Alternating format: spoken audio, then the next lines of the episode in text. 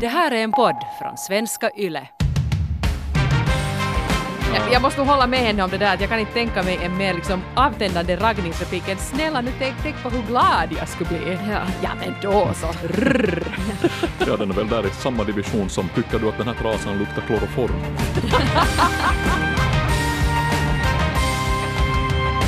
Du lyssnar på relationspodden Norrena och Frans och idag tror jag att vi ska börja med att säga det att om du brukar lyssna på den här podden jag vet inte, kanske i bilen så att barnen också hör eller något sånt här sammanhang att du har minderåriga med dig där så det här kanske inte är ett sånt avsnitt som, som lämpar sig för sådant lyssnande. Det här är sån här, eh, ja vad brukar man säga, parental advisory, explicit language. borde ha en stämpel på sig Ja. det här. Nu kan vi Puff, det här ja. är en sån. Ja, så, Ja. så familjens minsta behöver kanske inte höra, höra på det här avsnittet.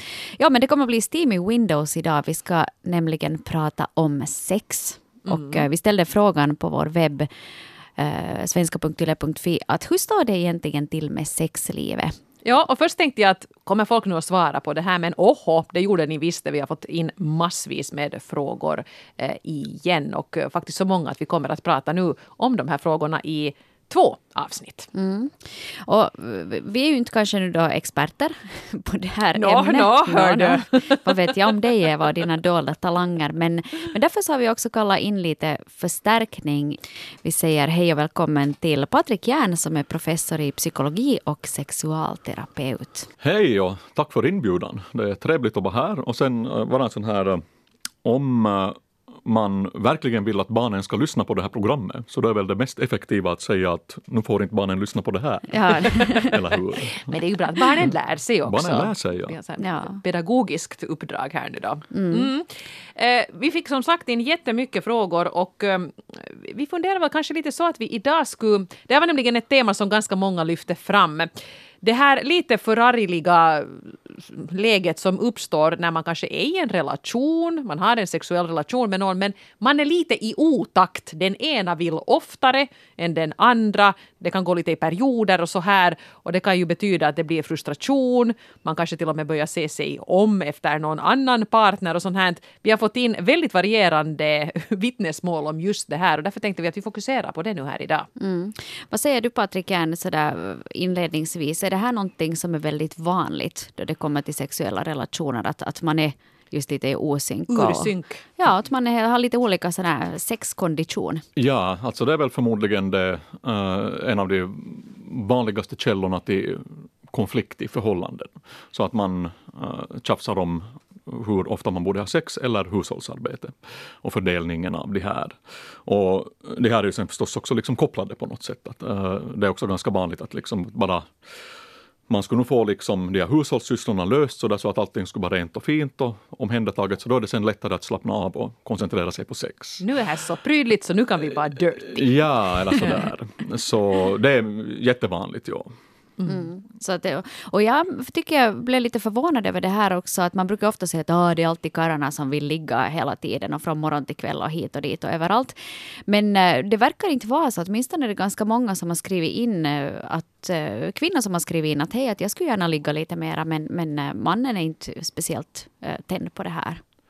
Så det är inte liksom en könsfråga heller. Du, delvis är det ju det. Alltså, på individnivån så kan man inte riktigt säga någonting. Eh, Liksom att det, det finns kvinnor som har mycket högre lust än sina manliga partners eller kvinnliga partners och det finns män som har lägre lust än sina partners. Så här. eh, Men om man tittar till gruppnivå, alltså om vi frågar då 10 000 människor, så då hittar vi nu en tydlig gruppskillnad så att eh, män har högre nivå av lust, lust oftare och mera intresserade av att ha många partners och så här eh, jämfört med kvinnor som grupp.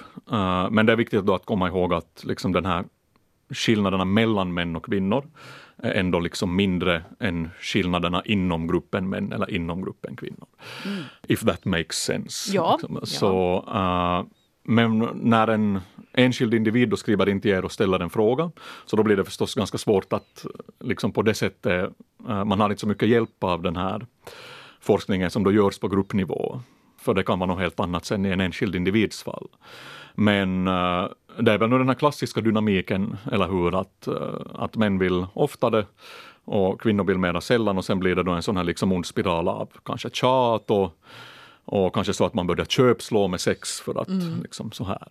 Ja, det är ganska hård valuta sen sista slutligen. Ja, det är det.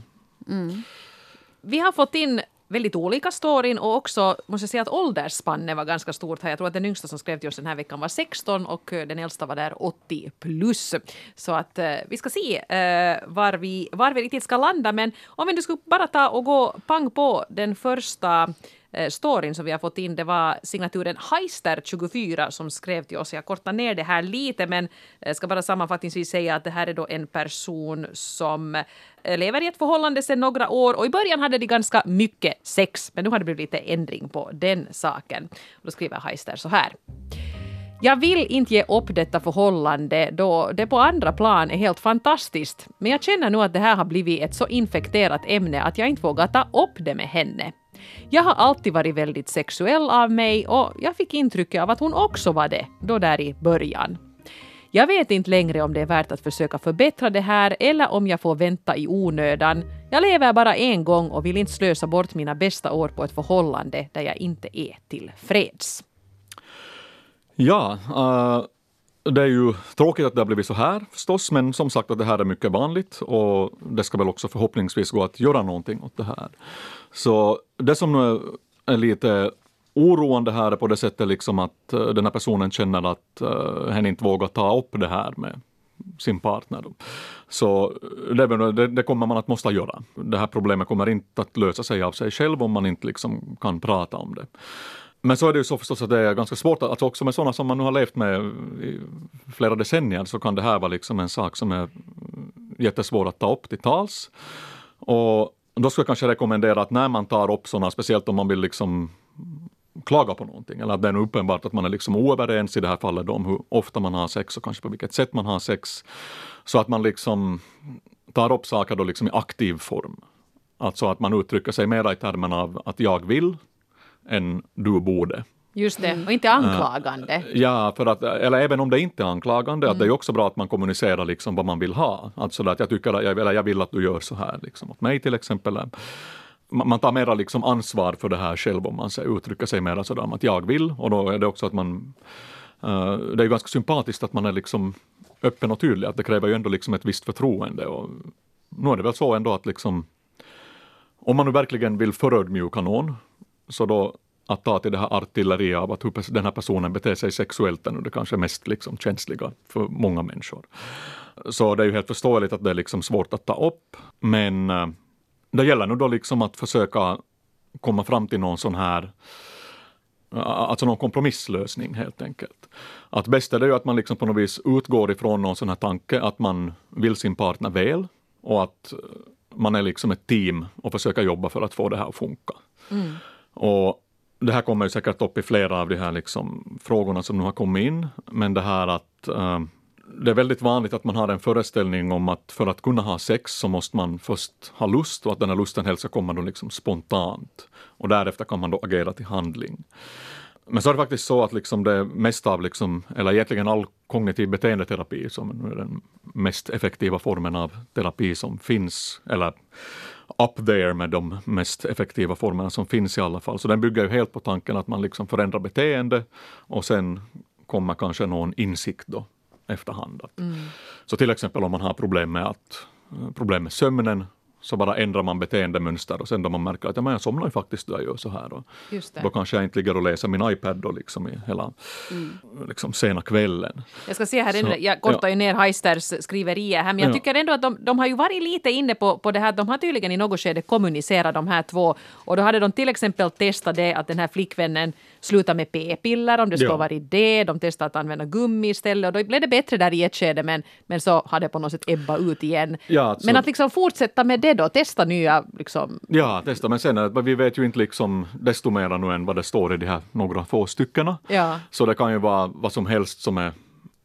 som har orsakat nu den här, jag vet inte om det är en konflikt eller om det är förhållande annars liksom är utmärkt, men det kan ju vara att det är någonting annat som gnager den här partnern. Men om vi nu bara tänker oss att det är så att det här är bara en fråga om liksom diskrepans i nivå av lust mellan två människor, så uh, alltså jag vill absolut inte säga att man ska göra saker mot sin vilja. Men det kan hända att den här lusten liksom inte bara helt enkelt uppstår spontant. Så om man ändå känner så att man skulle vilja, vilja ha sex. Liksom. Så då kan man ju prova på om man känner sig trygg annars så att man nu bara liksom börjar på och sen brukar den här lusten väckas av, av det här beteendet. Och sen kommer liksom, igång så är det riktigt kiva sen. Ja, och sen är det så liksom att om det har blivit liksom allt längre mellan gångerna Ja, just så det. Desto, desto svårare kan det bli sen att komma tillbaka. Det blir mer laddat då helt i onödan ja. egentligen. Ja, mm. Det är lite sådär som när man ska få på länk, att det, det svåraste är att få på sig länk i kläderna. Efteråt är, är man såhär yes! Och, och, sen om du har länkat då två, tre gånger i veckan och varit duktig eh, i ett tag och så blir du sjuk eller någonting händer så att du nu inte länkar på en månad. Så sen när du ska ut på den här första länken efter det, så fast du har varit hyfsat bra tränad eller säg att du har liksom ägnat dig åt chips och bakfylla då en vecka. Uh, as you do ibland när livet är hårt. Så, uh, så då känns den här första länken liksom oöverkomligt tung. Och lite samma liksom effekt är det ju i och då måste man kanske ge sig själv en liten liksom, knuff. Ja. Men, äh, men jag ska nog nu. Eller tar, ens att man tar en promenad runt kvarteret kan ju hjälpa. Det kan hjälpa. Och det kan vara det första steget. Ja. men hör, du kan inte vara så här också i längre förhållanden att man helt enkelt blir trött på varandra. För att man har haft sex otaliga gånger och man vill säga att men vet du, det här är liksom så bekant redan och det finns inga överraskningar här att det därför inte nappar. Det är som att dammsuga, vet du. Jag vet hur man dammsuger ja. campen, det är inte kul. Då. Naturligtvis är det så. Mm. Så uh, ja, så om man känner på det sättet så då är det ju man kan då försöka liksom hitta på, alltså om man ändå är motiverad att det är nu den här partnern jag ska ha sex med och ingen annan, så då måste man ju försöka lösa det på något sätt. Men inte är det så att man måste ha sex heller, alltså om båda parter är fine med att inte ha sex så då, då finns det ju inget problem. Mm. Men sen när, de här problemen uppstår ju när en vill och den andra inte. Alltså det finns ju olika lösningar på ett sånt, att man kan ju liksom, om man har varit ihop också väldigt länge, så kanske det går att diskutera någon sån sorts arrangemang, så att man kan också träffa andra på utsidan av det där. Det behöver ju inte vara så att den här ens eh, primära relation nödvändigtvis blir lidande för den sakens skull. Och så kan det ju också liksom ge en ny tändning till för ganska många människor tycker ju att det är attraktivt om andra vill ha ens partner också. Mm. Ja. ja. Men vad, vad, tror vi om ålder? För åtminstone jag reagerar på att, eller jag utgår från att Heistert 24 är 24 år gammal. Jag tänker själv och att liksom, partnern är där i samma, samma kanske? ålder. Ja, ja, men liksom att om, om det inte funkar redan när du är 24 så är det inte dags att kanske bara gå vidare då? Ja, så kan det vara. Men det vet vi ju inte. Så jag, vet inte, jag skulle inte känna mig bekväm med att rekommendera separation på basen av det här som Heister har skrivit i sin fråga. Uh, för det verkar ju ändå liksom att uh, det här förhållandet annars är bra. Mm. Alltså och att de har kommunicerat att, i något skede. Uh, ja, om vi nu utgår ifrån att uh, jag misstänker att Heister är man, så om vi nu utgår ifrån att han skriver att jag vill inte ge upp det här förhållandet då hon på andra plan är helt fantastisk. Så det verkar ju som att allt annat i det här förhållandet då åtminstone enligt Heisters uppfattning i skick. Men här finns då liksom ett problem med den här liksom, eh, nivån av sexuell lust. Mm. Så det är nu liksom att försöka prata om det och sen ha någon kompromisslösning. Och det är nu som, alltså om man kommer med sån här problematik till parterapi då, eller liksom sexualterapi, så en av de mest sannolika övningarna som skulle rekommenderas är ju sådana och till exempel sådana sensate focus där man liksom ska röra varandra och den här första övningen då liksom på ett icke-sexuellt sätt men så att man visar varandra att jag vill att du rör mig så här. Mm. Men syftet är alltså inte att hetsa upp den här partnern då. Och, och, och sen kan man till och med liksom säga att ni får absolut inte ha sex. Liksom. Och det är ju, uh, många skulle väl hålla med om att det är väl få saker som ökar sannolikheten att bli tänd så mycket som att det är förbjudet.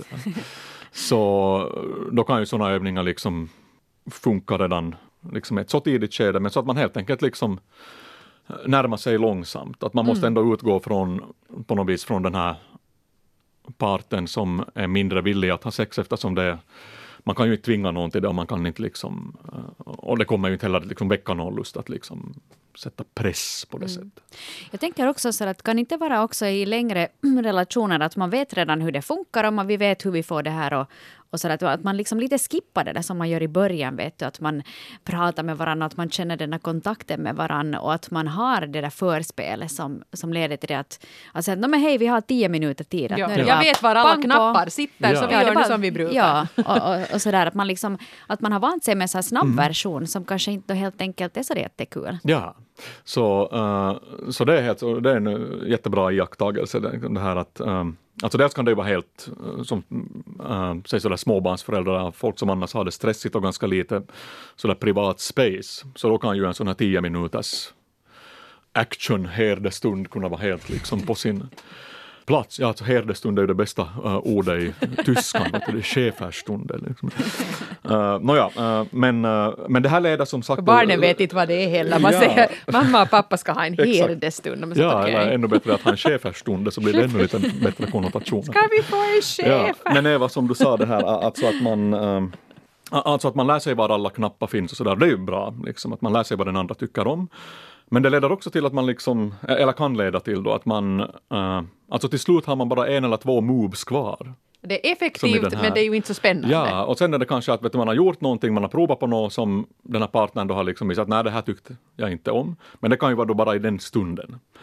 Uh, men att man kanske då lär sig sådär att jaha, men det där ska jag inte göra, så gör man aldrig det mera.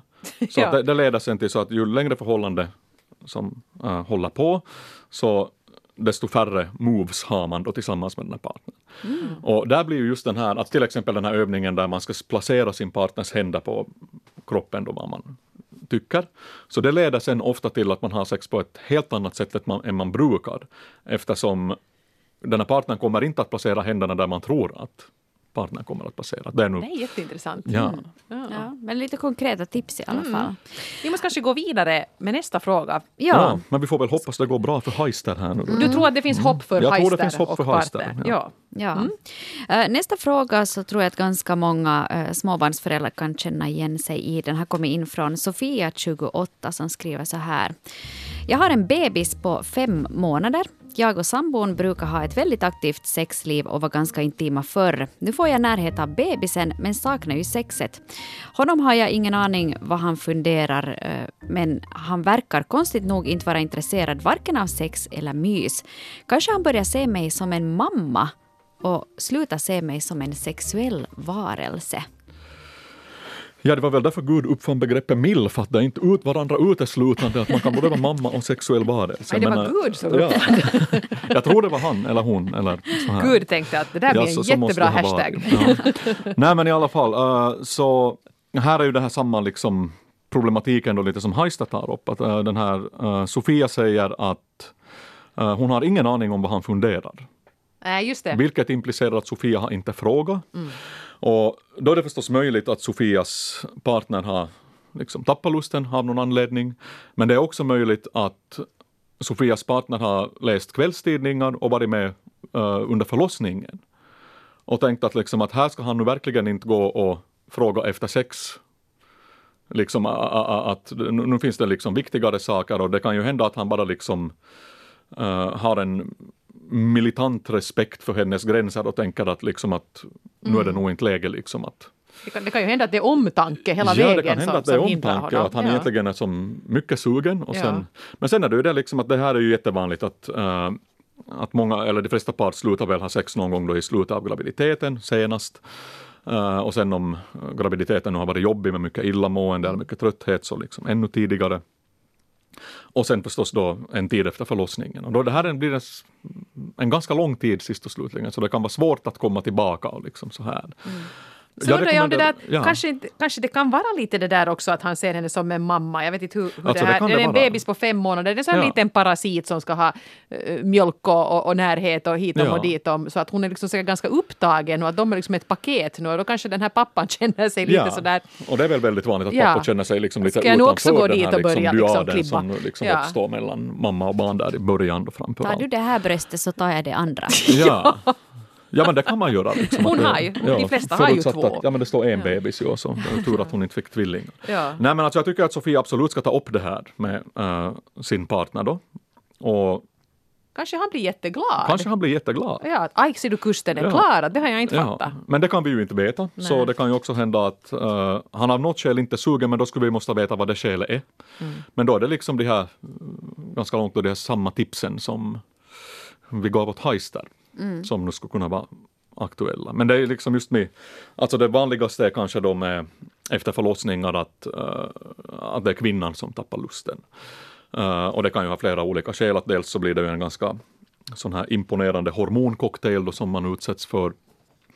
Uh, men den är ju liksom, det finns väldigt stor individuell variation. Att vissa tappar lusten liksom helt och hållet och andra får, som, jag vet inte om Sofia har fått mera lust, men, men somliga kan få mera lust. Men också det här liksom att kroppen förändras och man har förstås gått upp lite i vikt och så här och det kan göra sen att man får en högre tröskel för att liksom mm. visa sig naken åt någon och så här. Och, och sen också att man kanske känner någon sån här liksom pliktkänsla till det här barnet, att nej, nu måste min uppmärksamhet vara 100% fokuserad på barnet.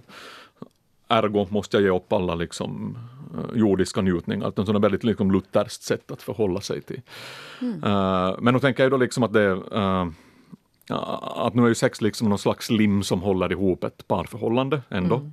Så att uh, det är nog en ganska bra sån här långtidsinvestering att man ändå inte liksom ger upp det. Liksom. Att det är nog ett ganska bra tips om man känner att man ändå vill liksom upprätthålla den här relationen. Att, att om inte går på något annat sätt så då skriver man för fan in i kalendern att på onsdag klockan åtta så har vi sex. Mm. Liksom, Kommer det påminnelse tio före åtta? Ja. Ja. Får du hinna du gå och raka benen. Ja. ja. Och sen kanske man just under den här tiden liksom kan ha lite överseende med då liksom att saker är orakade och vet du, så här. Mm. Ja. ja. Mm. Nu är det skärmtid, mm. barnen. Vi håller oss kanske kvar lite på samma, samma tematik här med signaturen Mammans eh, berättelse här. Eh, hon skriver så här. Jag är småbarnsförälder och all min energi går åt till barnen som är cirka två och ett halvt, två månader. Min man kan tycka att det skulle vara nice med lite action vid läggdags men jag vill bara begrava mig under täcket och svara då att jag helt enkelt inte orkar. Det värsta är att då få höra “Snälla, tänk på mig, det skulle göra mig så glad”.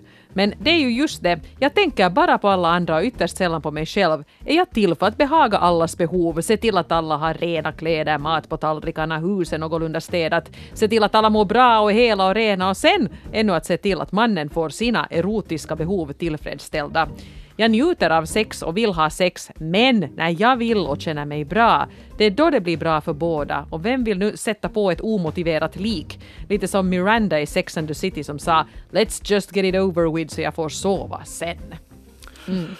Ja, det var ord och inga visor från mamman här. Ja, jag måste nog hålla med henne om det där att jag kan inte tänka mig en mer liksom avtändande raggningsreplik än snälla nu tänk, tänk på hur glad jag skulle bli. Ja, ja men då så.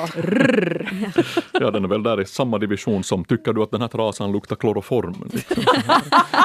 uh, men uh, ja, men på det sättet att, att så här är ju liksom, det är svårt att kommunicera om de här sakerna, så vi ska väl ändå liksom hålla oss från att, alltså här är ändå liksom den här partnern, ändå en person som försöker kommunicera det här att jag skulle vilja det här. Ja. Och sätta då liksom Alltså har du förtroende för sin partner att det här ska liksom tas emot väl. Och sen finns det ju lite variation i då hur man, så jag kan hålla med om att man kanske skulle kunna formulera det på ett bättre sätt för att liksom det ska få önskad effekt. Uh, om det nu kan få önskad effekt. Uh, men så tänker jag nog också liksom att uh, det känns som det finns någonting annat än bara den här skillnaden i liksom nivå av lust här. Det är kanske lite liksom så här irriterat intryck i det här som den här mamman skriver. Mm, mm. Och sen är det så att, att vara förälder så, så det är nog faktiskt så att att du är faktiskt till för att behaga dina barns behov i det här liksom med rena kläder och mat på tallrikarna och så här. Så det, det, är ju liksom ett ansvar man får ta när man skaffar barn. Och det är klart att liksom det leder till stress och att man är, uh, det kallas ju liksom det här finns det något svenskt uttryck för rokavuodet liksom. Mm, mm. Men det kallas nu av en anledning. Och, och sen dessutom skulle man måste liksom uh, finnas till för sin partner i relationen. Så jag säger nu inte liksom på det sättet liksom att det, man ska inte liksom göra någonting mot sin vilja, att ingenting gott följer av det. Men jag skulle hoppas att mamman och hennes partner kommer till någon sån här slags insikt där de ser på sitt förhållande som ett team där man liksom försöker hjälpa och stödja varandra snarare än liksom ha en sån här dynamik där man tycker att den andra bara har helt orimliga krav mm. på varandra. Och så vill säga och, att om det där barnet är två månader, det är ja, så, det, jag menar... Och det är då liksom då, i det skedet så kanske man har då, då borde man ju få lite slack att vara liksom ja, är, är det en svacka just då så tror jag inte ja, att det, det behöver svacka vara så allvarligt. Ja. Uh, och, och, sen är det just det här att, liksom att den här partnern får ju gärna liksom då uttrycka som att uh, det är ju bra att man kommunicerar sina behov, men att man är då mera så här att jag vill snarare än mm som att varför har du nu inte pysslat om mig liksom? Nu, Ja. liksom så här. Jag då? Eh, Men jag gillar den tanken på att man är mer som ett team. För det blir ju lätt att man bara pe liksom pekar med det där beskyllande fingret Ja. och, och pajkastning. Ja. Och det här liksom att man mer tänker vi. Ja, så att jag känner nog att det, alltså, så, så, så, alltså, säkert kan det vara så att den här partnern nu liksom är uh, onödigt gnällig. Men sen är det här också att mamman säger att liksom, jag njuter av sex och vill ha sex, men när jag vill och känner mig bra, och då blir det bra för båda. Så att när, när det är bra för mig så då är det bra för alla. Och, och, det är ju inte liksom, det här är inte förenligt med någon sån här teamtanke. Nej, Eh, nej. Så, att, eh, så att jag kan nu inte säga liksom hur ofta borde man ha för att det ska bli bra. Att det finns ingen sån här patentlösning som passar åt alla. Att det enda som nu kan fungera är att man liksom, om man lyckas hitta någon kompromiss och enda sättet att hitta en sån här kompromiss är att vara ganska ärlig och tydlig med liksom vad man behöver just nu i den här stunden. Och sen att eh, det finns också individuell variation i hur mycket man kan tänka sig att, så det, så att ta en för laget. Eh, men, men så här... vet du, att- man- sex som om. Ja, för husfridens skull. Ja. Att, alltså, jag vill nog inte liksom uppmana någon till det som liksom inte vill och man kan ju, alltså, om det är en två månaders bebis så man kan ju ha ont ännu och liksom så här att det kan vara jättejobbigt så då borde ju liksom en partner respektera det att det här är nu en jättejobbig tid för, att, eh, för en mamma. Men bara liksom med så här att det, alltså just när man läser mycket sådana här kvällstidningar, sådana relationsspalter, så det är ändå ganska så där giftig ton som många har om sin partner och så här. Och det tror jag nog inte är något speciellt bra recept för att få det att funka sen. Att det kommer nog inte att funka med, liksom med beskyllningar och att man söker liksom validering utifrån för att jag har rätt och den andra har fel på något sätt. Men det var faktiskt en, ett brev här som jag inte hittar nu här i förbifarten som just lyfte fram det här. Det var en kvinna som skrev att, att hon har lite, hon, hon försätter sig, eller hon ger nästan sig själv en sorts boja för att hon ska ha så väldigt perfekt omkring sig för att hon ska kunna slappna av och njuta av sex. Och det kanske är lite samma tendenser här då, att man är så frustrerad över den där tvättberget och, och ingen har fyllt diskmaskinen och jag gör alltid det här Ja. så att man sen skulle liksom tycka att men lite sexy time skulle vara precis det som skulle Ja, så, så Ja, det finns, fixa allt. ja, det, så, äh, det finns, äh, om man tänker sig en sån här triangel och så äh, i hörnet av den här eller i varje hörn av den här triangeln så finns det som ett rent och städat hem, äh, barn eller sanity, alltså att man inte blir galen. Äh, Frånvaro av galenskap. Så man kan välja vilka två som helst av de här. Ja. Men Men alla tre så tre. blir jättesvårt. Ja. Och sen är det så liksom att i, i grunden liksom att med liksom psykoterapi eller psykologisk behandling, så det finns nu i grunden två saker som fungerar. Eh, och det är desensibilisering, alltså att man utsätter sig för någonting tills det blir liksom normaliserat. Till exempel att om någon är rädd för ormar så sitter vi först och pratar om ormar och sen tittar vi på bilder av ormar och sen kanske vi går till Högholmen och tittar på ormar, riktiga ormar och så här. Och genom sådana utsättning och så vidare. Och det andra är radical acceptance, att det som man inte kan förändra så måste man acceptera. Och det här är ju framförallt liksom vid sorg och så här, att till exempel om en nära anhörig har gått bort så all gråt och tandagnisslan i världen gör inte att den här personen kommer tillbaka, så det måste man liksom acceptera. Så här till exempel att den här föreställningen om att hemmet måste vara perfekt städat och rent för att man ska kunna slappna av och ha sex. Så det kommer man ju prova på att ge upp. Ja. Eh, det är nog bara radical acceptance att det kommer att vara skitigt hos dig nu i några år. Och världen går inte under för det. Och du har ändå förmodligen ett renare hem än 99,9999 procent av alla människor som någonsin har levt har haft. Ja. Men om man skulle förklara det där till sin partner också så ger man ju ett jättebra verktyg för det här. Vet du, jag är för stressad nu över att det ser så hemskt ut här så jag är nu inte riktigt på humör. Och han sen skulle ha fixat så att vet du, allt. Mm. Så det- man kommer ja. hem från barnvagnspromenaden, diskmaskinen och tvättmaskinen Ja. brummar gemytligt i kapp och det är putsat och städat. Jag menar, Och det kan jag tror fungera, det skulle bli sen- åka av för pappan Det då. kan fungera, men det kan också bli så att det här blir sen någonting som man köpslår med. Ja, Ah. och det är förstås Och, och det kan också risken. bli så här att sen då att man kommer hem efter världens hemskaste dag och så skiner alla ytor i hemmet när man kommer hem. Om den första tanken är då att Vad vill ah, fan nu att nu måste jag knasa ikväll. Så då, det här kommer ju då liksom, för att det här bygger ju upp sen förväntningar på en nivå som, där det ändå blir så att man känner att man måste. Så ja, det är komplicerade saker men att, eh, jag menar man måste bara som vuxna kunna tala med varandra om det. Ja, vi landar igen i det där att kommunicera. Ja. Vi, vi, ska, vi ska ta och byta ämne lite här och eh, prata om hur man eh, kan hitta en eh, lite annorlunda lösning på det här om det är så att den ena inte vill. Och här har vi signaturen Kajsa 40 som har skrivit in ett riktigt uppfriskande brev som jag har kortat ner lite men vi i alla fall får essensen av det. Kajsa skriver så här. Lever i en parrelation med min man som inte är särskilt intresserad av sex längre. Han känner väl till min fäbless för sex och vi har ett så kallat tyst avtal, det vill säga jag löser det på mitt sätt. Oftast genom onani för mig själv, men också gärna i sällskap av någon, till exempel över en chatt. Det kan vara mycket upphetsande och effektivt om man inte har möjligheten att ta sig iväg någonstans, men vill jag ändå ha kontakten och gemenskapen och dela sexet med någon annan. Och sen så händer det också att jag träffar en man ibland helt in real life för att bara njuta av sex. Vi kan träffas på ett hotell i hans hemstad och vi hinner knappt innanför dörren innan kläderna är av. Vi har haft sex med varandra många gånger nu. Hungern och lusten är magisk och han gör allt för mig i sängen. Han utforskar mig och lär mig om mig och min njutning varje gång vi träffas. Han utvecklas med mig och är inte rädd för att prova nya saker. Det här ger mig livslust. Halleluja! Så här skriver alltså Kajsa som, som uppenbarligen har hittat en lösning på det här. Det vill säga att hon har, de har en del att hon kan gå utanför relationen. Ja. Hur vanligt är det här, säger du? Åh, oh, svår fråga. Uh, alltså jag tror ju att det är betydligt vanligare än uh, vad studier gör gällande. Och att det också har varit det liksom historiskt. Uh, men det är ju förstås in, inte det ju ännu idag heller liksom kosher att leva polyamoröst eller ha liksom så här öppet förhållande. Det slår mig också en jämställdhetsaspekt här att skulle en kar ha skrivit det här så skulle jag inte ha tyckt att det var så speciellt men nu när det är en kvinna som har att ja, men jag har en älskare och, ja. Och, och jag har ja, alltså jag vet inte att finns det sen liksom ja. några könsskillnader i det här. Men jag tänker mig liksom att kanske för speciellt liksom äldre par som övre medelåldern och liksom äldre, så där kan det ofta bli så där för att som, säg mäns hormon, mäns testosteron då så är liksom pikar ju då någonstans där i sena tonåren och sen är det en sådär sakta sluttande kurva.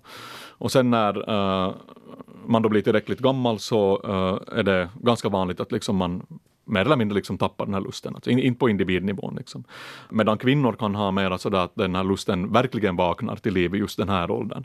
Mm. Och då mm. kan det bli liksom en sån. Så jag tror att det kan vara ganska liksom, att det inte nödvändigtvis är något, uh, finns någon könsskillnad i det här hur vanligt det är jag menar med så socialt, liksom, ja, att socialt. det har varit mer, ja, mer sådär liksom, stereotypt att män har älskarinnor och kan hålla på så här men att det inte liksom är... Ja, man hör inte så ofta om kvinnor som, som har det här scenariet. Ja, jag vet inte. Att, mm. Jag har jag, kanske inte samma upplevelse. Att, eller, eller så här att, äh, men, men säkert liksom kan du ha rätt. Att, äh, alltså den här stereotypin att det är liksom män som vänsterprasslar med någon så liksom är så här. Och det har väl liksom historiskt varit från det att liksom om kvinnor inte har jobbat och mm. varit hemma och män liksom rest i jobbet eller så här, så det är väl som från det. Men, uh, men det här är ju en liksom jag blir lite uppiggad av ja, det här. Ja, det är en jättebra lösning. Och ja. sen att, uh, alltså det är ju inget fel med det att som den här, alltså förutsatt att det nu inte finns någon sån här, att man liksom bedrar någon och någon kan komma till skada, men att det här är ju ett utmärkt arrangemang om det liksom funkar för alla parter. Och det behöver ju inte göra den här liksom kärleken i det här primära förhållandet mindre på något sätt. Mm. Men jag, jag tänker nog ändå på något vis att man, man skulle vara så att okay, jag vill inte ha så mycket sex så du får gå utanför relationen.